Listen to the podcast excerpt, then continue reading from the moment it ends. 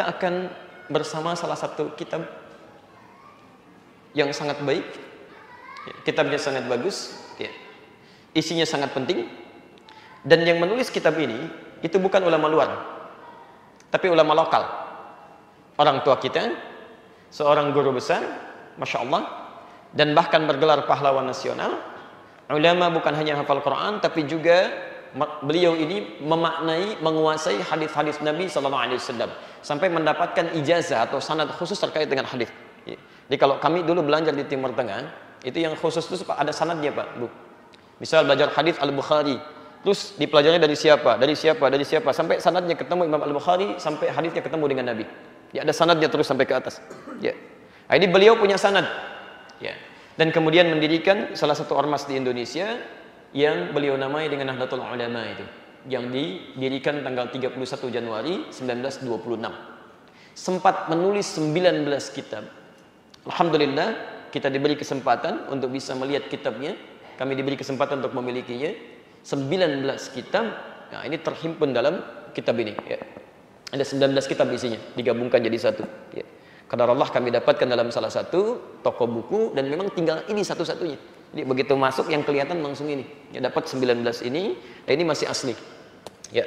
Ini pun ada foto di depannya masih asli, ya berjenggot. Yang jenggotan masih asli ya. Kayak jasa masyarakat itu berjenggot ya. Jadi yang tidak berjenggot itu palsu ya. Kasihan beliau, jangan dimanipulasi ya gambarnya. Baik. Dan ini pun kitabnya masih asli. Ya. Ulama dulu punya kemampuan bahasa Arab yang baik. Ya, setelah belajar lama, kemudian di dua kota suci, di Mekah terutama kembali lagi kemampuan bahasa Arabnya baik, Terlebih ketika penjajah datang tidak memperkenankan ditulis dengan bahasa lokal supaya sulit dipahami. Ya. Dan kitab ini pun asli, di antara tanda keasliannya selain yang tadi, ini masih berbahasa Arab. Ya, masih berbahasa Arab. Karena itu, insya Allah semua yang akan saya bahas, saya tidak akan beropini, tidak akan mengambil pendapat pribadi, tapi hanya akan membacakan apa yang ada di sini untuk memberikan penjelasan pada kita. Baik, kita mulai bahasan kita karena waktu kita sangat singkat ya untuk malam ini. Dari 19 kitab, terdapat di kitab yang kedua. Ya, kitab yang kedua. Kami coba bawakan ini supaya jadi argumentasinya lebih kuat. Ya, insya Allah. Ya. Taib, kitab kedua judulnya Risalah Ahlus Sunnah wal Jamaah. Risalah Ahlus Sunnah wal Jamaah. Tulisan yang membahas tentang hakikat Ahlus Sunnah wal Jamaah. Pelan-pelan.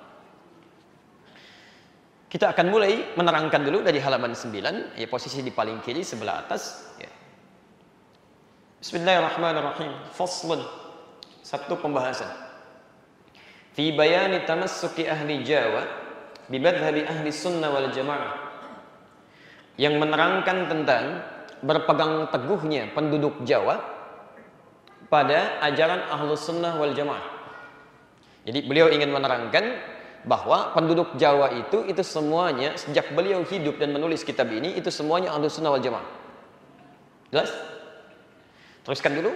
Wa bayan ibtida'i zuhuril bid'ah wa intisyariha fi ardi Jawa. Dan akan menerangkan awal kemunculan bid'ah di tanah Jawa. Nanti kita akan lihat yang dimaksudkan bid'ah oleh beliau, ini sering saya sampaikan di beberapa tempat sampai malam ini, yang dimaksudkan ternyata bukan persoalan fikih yang dibahas di sini. Lebih daripada itu persoalan akidah. Ya, jadi bid'ah pertama itu bukan masalah fikih, masalah akidah. Kata beliau ada bid'ah itu kan sesuatu yang menyimpang, keluar dari tuntunan. Jadi ada aliran-aliran yang datang ke tanah Jawa, keluar dari konsep ahlu sunnah wal jamaah, itu aliran menyimpang. Nggak benar, ya, bermasalah. Kemudian wantisyariha fi ardi Jawa, bagaimana penyebarannya di tanah Jawa? Wabayani anwa'il mubtadi'in al-mawjudina fi zaman sekaligus menerangkan Ya, contoh-contoh kelompok-kelompok dan tokoh-tokoh ahli bid'ah itu di masa kini. Maksudnya masanya beliau. Ya, masanya beliau. Saya baca langsung ya, saya agak cepat dan mohon izin kalau nanti ada sebagian yang saya lompati untuk menunjuk pada fokus yang kita bahas ya. Karena kalau kita bahas ini insya Allah sampai besok juga nggak kuat gitu ya. Baik. Qad kana muslimul aqtar al-jawiyah fil azman as-salif al-khaliyah. Sungguh kata beliau, penduduk Jawa itu sejak dulu muslim-muslim Jawa itu seluruhnya muttafiqil ara'i wal madhab wa muttahidil ma'khad wal mashrab. Semuanya kompak. Ya, satu sumber dalam beragama, satu jalan dalam ibadah, mereka semua ahlu sunnah wal jamaah. Ya, Saya percepat saja sampai kemudian ke paragraf yang kedua di baris yang pertama sampai dengan baris yang kedua bahkan ketiganya. Thumma innahu hadatha. Kemudian terjadilah Thumma innahu hadatha. Kemudian terjadilah fi amin alfin wa thalathimi'atin wa thalathina hijriyatan pada tahun 1330 Hijrah. Ya. Tahun 1330 Hijrah. Saya ulang. Sekarang tahun berapa? 1438. Berarti kalau 1438 dikurangi 1330 keluar 108 tahun. Jadi ibu dan bapak sekalian, teman-teman, kata beliau 108 tahun yang lalu dari sekarang. Ya. Beliau kisahkan. Tiba-tiba Innahu hadatha fi ami alfin wa thalathimi'atin wa thalathina hijriyatan ahzabun mutanawwi'ah. Muncul kelompok-kelompok, aliran-aliran, pemikiran-pemikiran yang tidak jelas. Bukan kelompok biasa, tapi sudah membawa nilai-nilai agama di dalamnya. Ya, sudah membawa nilai-nilai agama di dalamnya. Jadi, kata beliau, tanah Jawa tadinya semuanya baik, alus sunnah wal jamaah. Tiba-tiba muncul aliran-aliran yang meresahkan. Berbeda dengan konsep alus sunnah wal jamaah, mulai menyimpang dia. Ya. Pelan-pelan.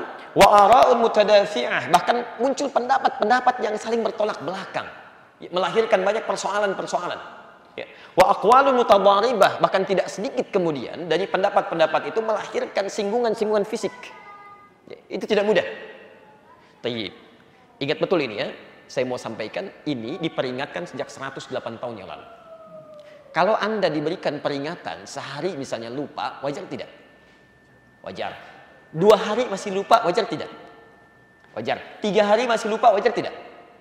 Anda dikasih peringatan 108 tahun, masih lupa juga. Anda butuh berapa tahun lagi? Nah, sekarang ada peringatan yang berlangsung sejak 108 tahun. Ya, ada hal-hal yang menyimpang dalam kehidupan kita, kata beliau. Diingatkan 108 tahun, masih ada juga. Ini, ini sebetulnya perlu cara apa lagi untuk mengingatkan? Nah, saya cepat ya, saya cepat dulu.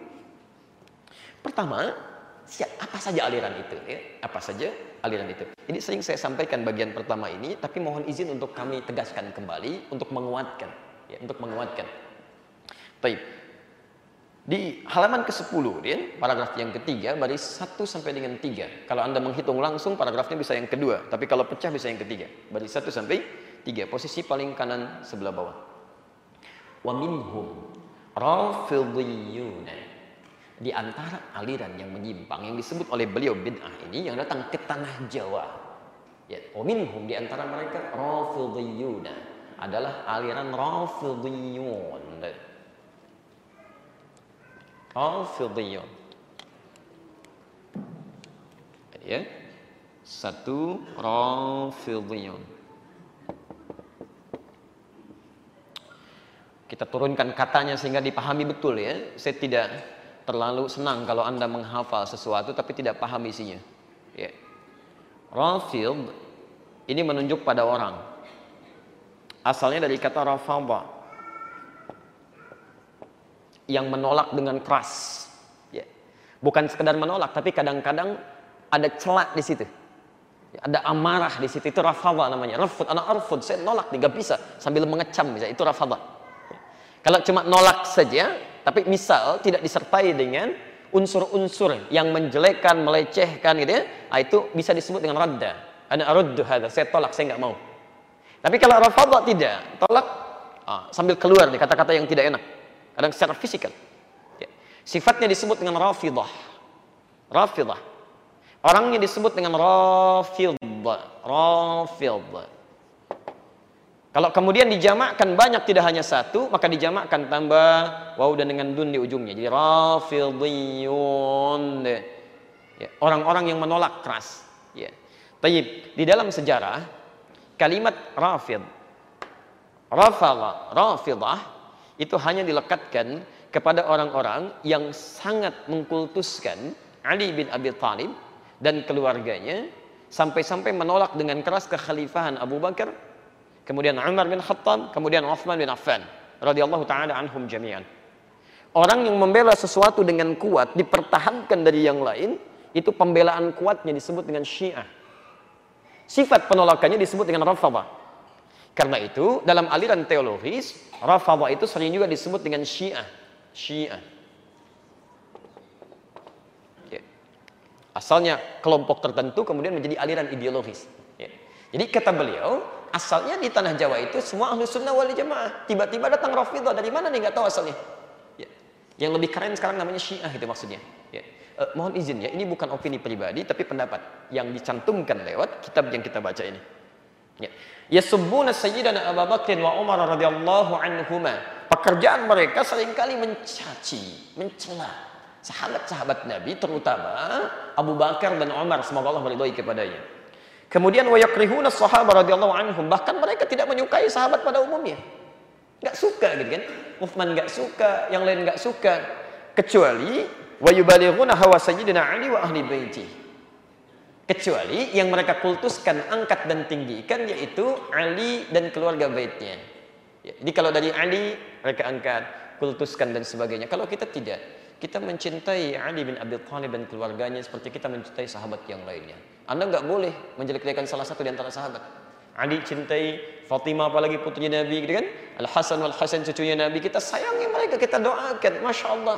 Al Hasan penghulu surga Al Husain Masya Allah panglima luar biasa. Tapi juga kita sayangi hormati Abu Bakar menghormati Aisyah gitu kan? Istrinya Nabi Sallallahu Alaihi Wasallam menghormati Umar menghormati Uthman dan sebagainya. Ini tidak nah aliran seperti ini yang mencela-cela sahabat Nabi disebut dihukumi oleh Syekh Hashim Ash'ari sebagai aliran yang menyimpang disebut aliran bid'ah jelas ya Kapan munculnya? 108 tahun yang lalu masuk ke tanah Jawa. Jelas ya? Jadi kalau Anda diingatkan sehari, wajar, lupa. Dua hari, wajar, lupa. 108 tahun diingatkan, masih dipikirkan juga. Ya. Jelas di sini? Baik. E, karena beliau ahli hadis, itu tidak hanya menyebutkan tentang kepercayaan atau pendapat saja, tapi beliau munculkan dalil hadis Nabi untuk menguatkan argumentasi. Saya bacakan di antara hadisnya banyak sekali, salah satunya saya bacakan ya. ya. Kata beliau halaman 11 ya. Baris ke-9. Halaman 11 baris ke-9, wa qala sallallahu alaihi wasallam. Kata beliau terkait persoalan ini, Nabi sallallahu alaihi wasallam pernah mengingatkan, la tasubbu ashabi. Jangan sekali-kali kalian mencela sahabat saya. Jangan sekali-kali kalian mencela sahabat saya. Fa innahu yaji'u qaumun fi akhir zaman. Karena sungguh nanti akan muncul satu kelompok di akhir masa. Di akhir zaman akan tiba satu kaum. Ya, satu kelompok ya sebuna ashabi. Mereka senang sekali mencela sahabat-sahabat saya. Perhatikan. Lihat bagaimana tegasnya Nabi menyampaikan larangan ini. Fala tusallu alaihim wa la tusallu ma'ahum. Kalau mereka meninggal, jangan disolatkan. Kalau kamu hidup dengan mereka, jangan solat dengan mereka. Ini nggak ada pernyataan keras semacam ini. Nggak ada pernyataan keras kecuali pada sesuatu yang sangat berbahaya. Anda tinggal dengan mereka. Kalau mereka nggak tobat, jangan sholat dengan mereka. Termasuk jangan sholatkan. Kalau nggak tobat dalam hidupnya, meninggal jangan disolatkan kata Nabi. Baik. Kemudian jangan besanan dengan mereka. Jadi kalau di antara mereka punya anak, anda punya anak misalnya, itu jangan tak boleh dinikahkan. Kata Nabi jangan, dilarang oleh Nabi. Tidak mungkin Nabi mengatakan demikian kalau ada sesuatu di situ yang sangat diwaspadai. Harus ya, ada yang penting di situ. Ya. Kemudian wala tujalisuhum, jangan sertai mereka. Jangan duduk dengan mereka. Kalau seminar nggak usah diikuti, bukunya nggak usah dibaca, tayangan nggak usah dilihat, supaya tahu bahwa itu menyimpang. Dengan itu dia kembali. Ya, jelas ya? Awas hati-hati, di sini nggak ada istilah Islam mencela. Awas, awas. Penting juga akhlak ditampilkan yang diminta oleh Nabi, jangan duduk mereka, jangan sertai mereka, kemudian jangan nikahi, jangan sholat dengan mereka, jangan disolatkan, tapi nggak ada perintah celah mereka, celakai mereka, serang mereka, itu nggak ada. Sepanjang tidak melahirkan hal-hal yang sifatnya menyerang umat Islam dan sebagainya, nggak boleh direspon dengan yang buruk. Kalau anda mau mendoakan boleh, jelas ya? Taib. Kemudian, wa in maradu bahkan kalau sakit gak usah ditengok. Masya Allah, kalau belum tobat gak usah ditengok kata Nabi. Anda kebayang nggak? Dulu zaman Nabi ada non Muslim sakit yang pernah membantu Nabi anak muda sakit ditengok oleh Nabi. Saat ditengok sampai mengucapkan kalimat syahadat masuk Islam. Ini orang kemudian, masya Allah, datang dengan aliran menyimpang, sakit gak usah ditengok. Non Muslim sakit masih dijenguk. Ini sakit kata Nabi kalau nggak tobat jangan ditengok. untuk menunjukkan bahwa ada sesuatu yang salah fatal di situ. Jelas ya? Baik, masalah pertama tuntas. Sekarang perhatikan, kita masuk sekarang pada fenomena yang muncul di lingkungan masyarakat kita. Wa minhum. Ya. Halaman ke-11 di paragraf yang kedua. Dan di antara mereka yang menyimpang juga datang ke tanah Jawa membawa kepercayaan-kepercayaan yang menyimpang wa minhum abahiyuna aliran abahiyun yang serba membolehkan ya, yang serba membolehkan kita tuliskan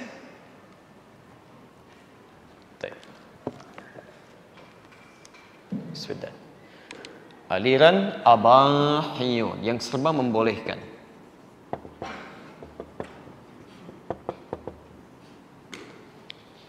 Baik, teman-teman dan pemirsa di rumah atau di mana pun Anda berada, bahasan kita ingat sekali lagi, ini bahasan ilmiah. Dengan dalil-dalil dan kajian-kajian yang matang, dengan argumentasi yang coba dikuatkan secara ilmiah. Jadi kalau ini nanti dipersoalkan, kita bisa berdiskusi secara ilmiah. Terus ya? Di, tidak boleh kita menjelekan, mencelak dan sebagainya, tapi hanya menghadirkan nuansa ilmiah. Jadi dalam bingkai ilmiah, kalau nanti dipersoalkan, kita diskusikan dengan argumentasi yang baik. Ya. Baik, yang kedua, ini ada yang disebut dengan aliran abahiyun yang serba membolehkan. Ya. Siapa mereka? Kita baca dulu ya. Wah, ini paragraf pertamanya cukup bagus ini. Yaquluna, mereka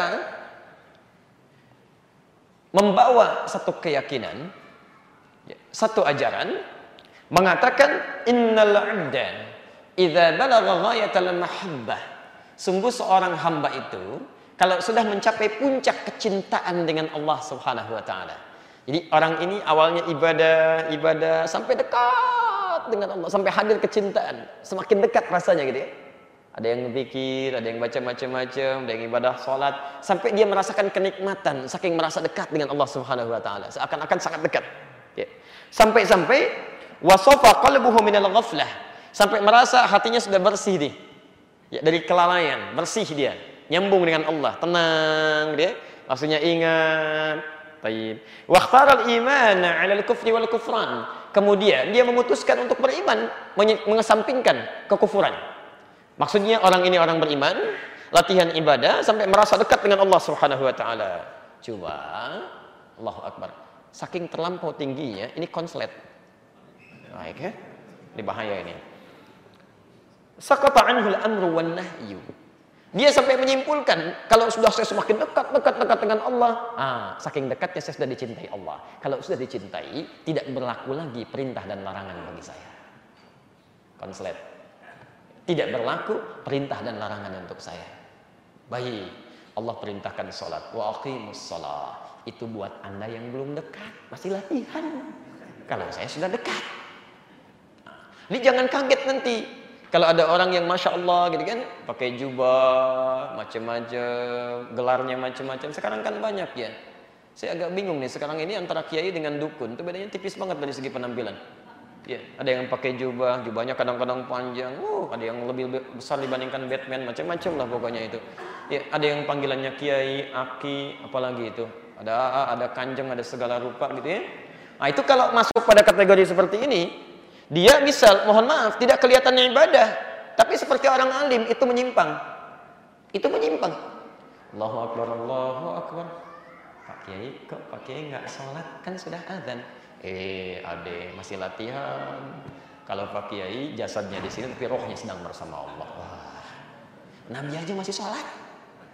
Nabi, Rasul, manusia paling takwa di muka bumi, paling dekat dengan Allah. Sholat sunnah sampai bengkak-bengkak kakinya. Pak Kiai siapa? Ya surga belum jelas gitu kan. Anda bukan nabi, bukan rasul. Ya Allah, tidak ibadah itu menyimpang. Jadi Anda kalau diajak latihan-latihan apa pun di awal-awalnya ya, kemudian di, dihadirkan suasana kedekatan tertentu tapi ujung-ujungnya nggak sholat, itu aliran menyimpang. Saya teruskan dulu belum selesai. Nanti Anda akan menemukan kalimat yang sangat unik nih. Ya. Bahkan dia menyimpulkan wala yudkhiluhullahu wala yudkhiluhullahu an-nara birtikabil kabair. Bahkan kalaupun saya mengerjakan dosa yang dianggap besar, Allah nggak akan masukkan saya ke neraka. Saya akan dekat dengan Allah. Meninggalkan sholat itu dosa besar. Nggak jumatan salahnya fatal. Orang ini nggak sholat nggak apa-apa katanya. Udah dekat dengan Allah kok. Apa ibadah dia? Nah, saya bacakan cepat. Wa ba'dhum yaqul bahkan di antara mereka menegaskan bahwa lihat kalimatnya Innahu tusqatu anhu ibadati dhahirah. Bagi kami yang zahir-zahir kayak gini udah nggak berlaku, itu masih latihan. Ibadah kami itu, lihat kalimatnya, wa takunu ibadatuhu tafakkur wa tahsinul akhlaqil batinah.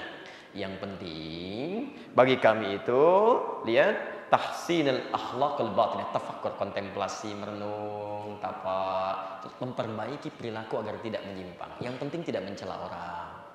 Yang penting tidak mencelakai orang ya nggak sholat nggak apa-apa tahsin dan akhlakil batinah yang penting batinnya itu baik tenang maka dikenallah kemudian karena batin yang jadi aspek utama maka dikenal dengan aliran kebatinan. Yang lahir-lahir sudah lewat.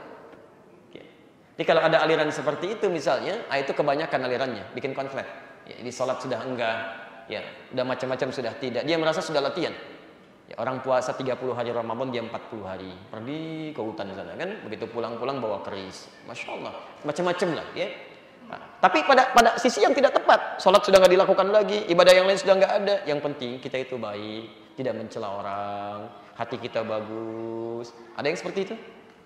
108 tahun yang lalu itu ada dan disebut menyimpang. Jelas ya? Saya bacakan fatwa ulama di sini. Fatwa ulama. Qala Sayyid Muhammad fi syarh al-Ihya. Berkata Sayyid Muhammad dalam syarah Al-Ihya. Lihat kalimat ini fatwa yang disampaikan oleh beliau. Wa hadza kufrun wa zindiqah wa dhalalah. Perbuatan semacam ini kufur, zindiqah, satu hal yang sangat fatal, menyimpang, keras, wa dhalalah. Dan ini dhalalah. Sesat. Jelas ya? Jadi jangan bangga kalau ketemu orang-orang yang kemudian mengatakan, wah saya sudah puasa sekian puluh hari, saya sudah begini, saya sudah begini. Ente nggak sholat, sama aja kufur. Ya, itu menyesatkan. Jelas di sini? Teruskan sebentar ya. Ah, ini lebih tinggi lagi, ya, lebih tinggi lagi ilmunya dibandingkan yang tadi, ya. Jadi konon ada ilmu, ada ngelmu katanya ya. Kita lihat ya. Wa minhum man qala bi tanassukhil arwah wa intiqaliha abad al-abad fil ashkhas takhruju min badal al-akhir min jinsi aw ghairi. Allahu akbar. Di antara mereka ada aliran-aliran yang kemudian punya pandangan bahwa roh itu bisa pindah-pindah, datang bersemayam dalam jasad dalam bentuk datang kepada jasad-jasad kita atau dia dalam bentuk yang lain tapi datang. Datang. Uh, sekarang bapaknya bapak sedang datang ke sini Pak. Kita dengar suaranya ya. Datang bersuara misalkan. Ah, mirip-mirip suaranya itu. Mirip-mirip. Ya, dia pikir rohnya pindah padahal bukan mungkin jin yang diambil. Jin yang dulu menemani bapaknya dia panggil minta bantuan. Dan sebagian minta kata Quran kepada jin. Dia panggil. Rohnya nggak pindah-pindah sebetulnya. Selesai. Ya. saya, saya kasihan ya hari-hari ini. Jin itu banyak kena fitnah. Hari-hari ini tuh. Wah ini pak saya nggak tahu pak. Jin yang masuk ke tempat saya sekarang ini. Jin ini butuh oksigen. Jin butuh oksigen. Ah, ini ini aliran yang ini nih. Ini yang disebutkan. Jin pindah. Bahkan nggak tanggung tanggung dari dulu paling ngaku-ngaku tuh malaikat Jibril. Kan yang kayak kemarin tuh pengen nurunin di Monas ya. Ada yang nabi yang ini enggak yang sekarang. Malaikat Israel. Malaikat maut datang kepada dirinya. Jin datang kepada dirinya. Jin kekurangan oksigen. Allahu Akbar. Itu sesat. Sesat. Ya, ada jin kemarin yang baru kena gas air mata. Tangkap coba isi dengan uang. Nggak bisa pak. Jinnya lagi nggak ada. Ke mana? Kena gas air mata kan tadi katanya. Allahu Akbar. Kasihan itu jinnya. Dua menit lagi sebentar ya. Nah ini menyimpang saya, saya tutup dulu sebentar.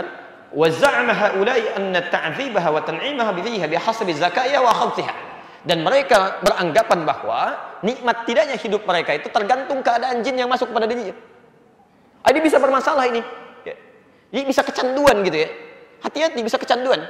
Jadi kalau jin itu tidak diberikan makan, tidak macam-macam dan sebagainya, ah, itu berpengaruh pada keadaan dirinya. Ya, sampai macam-macam dan aduh kasihan itu. Dulu jin nggak ada yang nyambu, sekarang jin dikasih sabu. Nah, coba lihat makanannya dari aspat dari aspat nggak ada sekarang dikasih sabu dan sebagainya. Itu, itu keterlaluan. Keterlaluan itu. Ya. Jin itu dari dulu makanannya tulang, kotoran, macam-macam dan sebagainya. Jin sekarang dikasih sabu sama manusia. Baik.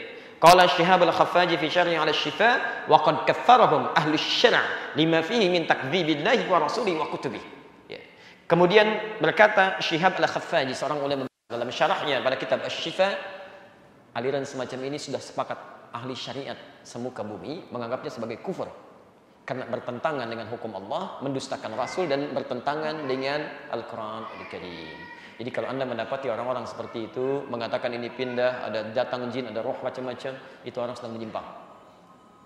Baik, teman-teman sekalian, ada yang lebih dahsyat dibanding ini. Itu sangat berbahaya. Seperti apa sifat dahsyatnya, bagaimana sifat bahayanya, kita lanjutkan setelah menunaikan salat isya berjamaah. Subhanakallahumma wa bihamdika asyhadu an la ilaha illa anta astaghfiruka wa atubu ilaik. Assalamualaikum warahmatullahi wabarakatuh. Assalamualaikum warahmatullahi wabarakatuh. Alhamdulillah.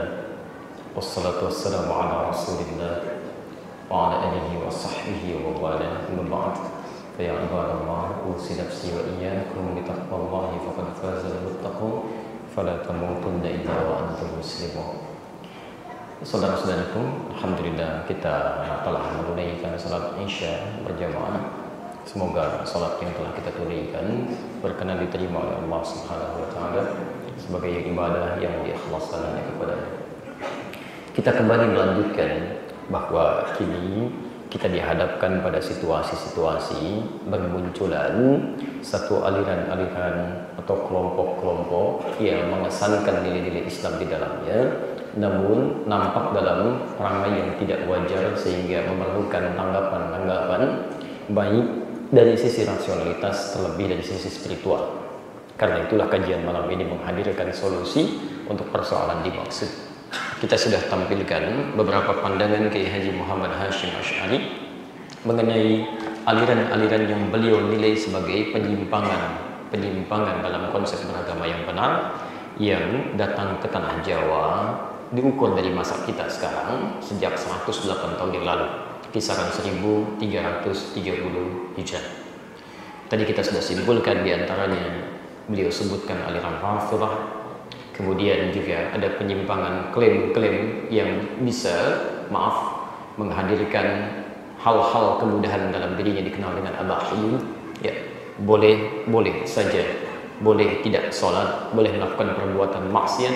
Ya maaf yang penting hati tetap tenang, tetap nyaman dengan tidak beribadah. Yang dikenal sekarang dengan aliran kebatinan. Ya. Tapi juga ada di antara mereka yang bergaul dengan jin yang mengambil klaim perpindahan roh atau arwah berpindah padahal sesungguhnya itu memanfaatkan jin yang beraktivitas dan dimintakan bantuan oleh orang-orang bersangkutan. Baik, klaim ini sesungguhnya bukan berita baru karena Quran pun sudah menginformasikan jadi kalau anda buka suratnya langsung surah Al-Jin. Ya. Beri nama surah Al-Jin, surah ke-72 itu. Ya. Terlebih kalau anda baca misalnya ayat ke-6-nya itu diisyaratkan oleh Quran. Wa annahu kana rijalun minal ins birijalin minal fazaduhum rahaqa. Ada sementara orang dari kalangan-kalangan manusia itu minta bantuan kerjasama dengan jin kerjasama dengan jin Kata Quran, ini informasi ya, dan kalau Allah sudah menginformasikan, tidak mungkin keliru. Tidak mungkin keliru. Fazaduhum rahaqa. Jin itu bukan mendatangkan manfaat, tapi akan lebih menyengsarakan. Jadi kalau orang-orang bergaul dengan jin, tidak akan membawa manfaat, akan lebih sengsara. Karena itu dalam Quran, kehidupan kita manusia itu langsung diparadokskan dengan dunia jin. Digambarkan bahwa kita berbeda. Jadi nggak usah saling mengurusi masing-masing, biarkan saja. Ya. Saya beri contoh misalnya. Kita manusia di Quran, disebut salah satunya dengan ins terulang 18 kali dalam Quran disandingkan dengan kata jin ketika disebutkan ins jinnya muncul ya ma'syarul jinni wal ins. Wa ma khalaqtul jinna wal ins. Ketika insnya dijamakan jinnya ikut jamak. Ins jamaknya nas. Ya terulang 241 kali dalam Al-Quran. Jin jamaknya jinnah. Minal jinnati wan nas. Selalu ada. Dan itu maknanya sudah berlawanan. Jin secara bahasa artinya sesuatu yang tersembunyi. Di fitrah kehidupannya memang sembunyi, bukan nampak. Jadi kalau ada jin melakukan penampakan, itu jin gak ada kerjaan. Ya. Itu jin keluar dari fitrahnya sedang punya masalah itu. Ya. Yang lebih fatal kalau ada manusia cari-cari penampakan jin. Itu yang masalah itu. Ya. Itu itu persoalan serius ya. Jadi kalau Anda menemukan orang-orang semacam itu dengan penampilan-penampilan misalnya, maaf, terkesan agamis, itu orang bermasalah. Jelas di sini ya? Yang kedua, jin itu punya arti sesuatu yang kasar gitu. Nggak lembut dia, nggak harmoni. Ya. Makanya jangankan melakukan penampakan, nggak ada aja terus nggak tenang kan? Ya. Saya tidak pernah orang mendapati misalnya sedang masuk jin dan sebagainya tiba-tiba jadi sopan. Ya. Ada orang kemasukan jin datang ke sini, assalamualaikum Ustaz, mohon izin ikut pengajian. Nggak ada. Pasti mulutnya mengacau, tindakannya mengacau, kena kemasukan. Ya. Jelas ya? Manusia berbeda. Manusia ins nampak. Jin tersembunyi, ins tampak, kelihatan. Makanya sejak dia terlahir sudah nampak.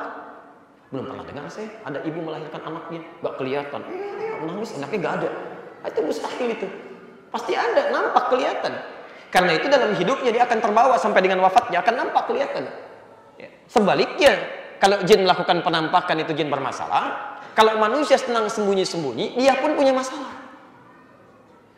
Pulang ke rumah, ini ada pintu depan, eh masuk lewat jendela sembunyi-sembunyi. Itu orang punya masalah itu ke masjid orang tenang aja susun sahab dia sembunyi-sembunyi di pojok. Aja begitu ya. Berbaris. Tolong rapatkan barisannya. Sudah berapat geser lagi geser lagi. Orang bermasalah itu. Jelas ya? Termasuk maaf ins dari kata unusa anis anas. Lembut. Lembut tenang. Ya. makanya orang yang namanya anis anisa anas itu cenderung tenang. Lembut ya. Maaf kalau ada manusia kemudian melakukan tindakan-tindakan yang kasar, itu pun ada yang salah dalam fitrahnya.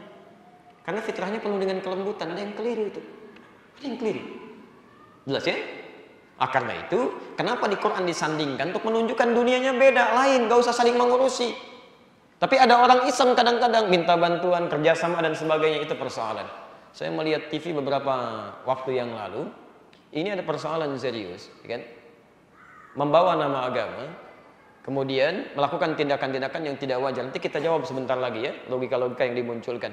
Ada menggandakan barang, menghadirkan macam-macam dan sebagainya. Yang paling unik tuh begini, didatangkan seorang ulama dengan pakaiannya yang cukup baik, terlihat bagus, dengan penguasaan Qur'annya, sudah bagus benar untuk mengomentari itu, tapi di sampingnya diundang juga dukun yang lain. Ya, pakai jas, lengkap macam-macam dan dukun tuh jenggotan juga. Masya Allah dukun jenggotan masa antum yang bukan dukun? Masalah. Ya kalau nggak punya jenggot nggak apa-apa. Nggak sunnah berjenggot tuh kalau berjenggot dirapikan dirawat. Ingat jangan salah baca hadis ya. Ya jangan salah baca. Hadis-hadis tentang jenggot itu merawat jika punya jenggot bukan menumbuhkan. Jadi kalau misalnya nggak punya jenggot nggak usah maksa nggak apa-apa. Itu fitrahnya ada kebaikan. Beli obat sini, beli arang, kosok-kosok pakai timun, nggak usah, nggak usah. Jadi begitu tumbuh, rawat dengan baik itu semuanya. Ya. Nah ini yang repot ini diundang yang satu ulama, satu dukun. Sudah jelas diarahkan ke ayat Quran. Diminta pendapat yang satu lagi, panggilannya ki lagi kan? Ah, coba lihat, oh ini saya perhatikan, ini nggak benar, ini penipuan karena tidak ada energi terpancar dalam dirinya. Energi dari mana? Jadi yang jadi masalah gini, akhirnya masyarakat menyimpulkan, oh berarti kalau yang sana palsu, kalau dukun yang ini asli. Inilah minta pendapat ke situ, itu yang salah itu. Jelas ya? Ini jangan sampai mengkantar sesuatu yang mungkar dengan kemungkaran yang baru. Itu keliru. Ya. Hati-hati ya, hati-hati. Jadi dari dulu yang kerjasama dengan jin itu sudah ada. Jadi yang sekarang tuh ketinggalan, jauh ketinggalannya. Bukan cuma kesiangan, kepagian, kemalaman, kemacam-macam itu. Ketinggalan semuanya. Ya. Baik. Yang jadi masalah tuh ada aja yang ikut tuh. Ya, kalau orangnya sih dari dulu juga udah ada, tapi pengikutnya, kenapa saban hari saban pagi banyak sekali? Ada yang keliru tuh. Kan sering-sering katakan dari dulu, di kita ini, menurut penelitian sementara ada satu penyakit yang susah hilang. Cepat kaget, gampang kagum. Uh, kaget, kagum, ikut ke situ kan. Masya Allah, ada mall baru, breng, kagum, datang ke situ. Numpang kagum aja, belanja enggak? Pulang, aliran baru muncul. Coba cek, setiap setiap ada kepercayaan, aliran-aliran baru, selalu ada pengikutnya. Kita itu, saya dengan teman-teman dari sini kita silaturahim ke MUI Jawa Barat. Apa yang terjadi? Di Jawa Barat katanya hampir tiap bulan ada nabi baru pak. Tiap bulan. Nggak tahu yang sekarang. Kemarin katanya di Karawang nabi barunya itu. Ya. Eh, ah, ini sudah ada nih. Saya bacakan ya. Agak cepat terakhir karena kita mau mengkantor pemikiran yang tidak tepat ya dengan argumentasi yang cukup logis. Tayyib wa kadzalika man idda'a nubuwwata ahlin ma'an nabiyyina sallallahu alaihi wasallam aw ba'da. Ah, ini bahaya. Aw man idda'a nubuwwah li nafsihi. Ya. Begitu pula sesat, kata beliau. Sesat. Ada sementara orang yang mengaku-ngaku nabi. Awas, ngaku nabi. Ini pengakuan nabi. Ini bukan cuma sekarang 108 tahun yang lalu sudah ada dihukumi sesat. Ya, jadi kalau 108 tahun sudah diingatkan masih muncul juga, butuh berapa tahun lagi untuk diingatkan? Baik itu yang mengaku Nabi sejak adanya Nabi Muhammad, misal Nabi Muhammad ada dulu mengaku Nabi. Atau kata beliau, manidda'an nubuwwa li nafsihi, nabinya sudah meninggal, setelah itu dia mengaku saya Nabi. Nabi baru. Masya Allah. Gak ada Nabi setelah Nabi Muhammad SAW. Oh, tapi kan di Quran ada, memang di semua Ahmad. Namanya kan Ahmad. Oh, maka muncul Ahmad-Ahmad aku Nabi. Ada Mirza Gulam Ahmad, ada Ahmad macam-macam, ada Ahmad macam-macam, Masya Allah. Oh, ini berbahaya. Berbahaya ya. Jadi kalau Anda menemukan orang-orang mengaku-ngaku seperti itu, sudah selesai, tinggalkan. Jadi kita buat frame-nya, siapa pun namanya. Ya. Saya pernah dapat informasi dari catatan Bakor Pakem Kementerian Agama. Saya kira ini yang terakhir gitu kan. Kan sering saya sampaikan tentang ini, perbatasan Jawa dengan Sunda itu. Ya, agamanya juga baru disebut Jasun, Jawa Sunda. Nabinya Tugimin namanya. Agak jauh gitu dari Ahmad ini. Ya, ngaku nabi gitu. Baik, saya kira selesai dibimbing, selesai macam-macam, ternyata muncul lagi, muncul lagi. Nah, itu sesat. Ya, kita doakan mudah-mudahan dapat hidayah dan kembali kepada kebaikan. Nah, ini yang jadi persoalan. Atau ada orang juga tidak mengklaim nabi, tidak mengklaim wali, bukan. Tidak mengklaim guru-guru, bukan. Tapi innahu yuha ilaihi wa illam yadda'in nubuwah tapi dia merasa mendapatkan ajaran-ajaran walaupun tidak mengaku nabi. Saya sih bukan nabi, saya bukan wali, cuma ada masukan-masukan pada diri saya untuk melahirkan hal, -hal semacam ini. Sesat. Enggak sih? Itu bermasalah. Baik, nah Bapak dan Ibu sekalian, itulah di antara informasi-informasi yang beliau hadirkan. Sebetulnya masih banyak lagi ya. Tapi mungkin terkait fenomena-fenomena sekarang. Kalau Anda dapati kemudian apa pun bentuknya, kemasannya dan sebagainya, itu tetap menyimpang. Jauhi hindarkan tinggalkan. Apalagi sekarang bulan al-muharram bulan menanggalkan segala hal yang tidak dibenarkan oleh agama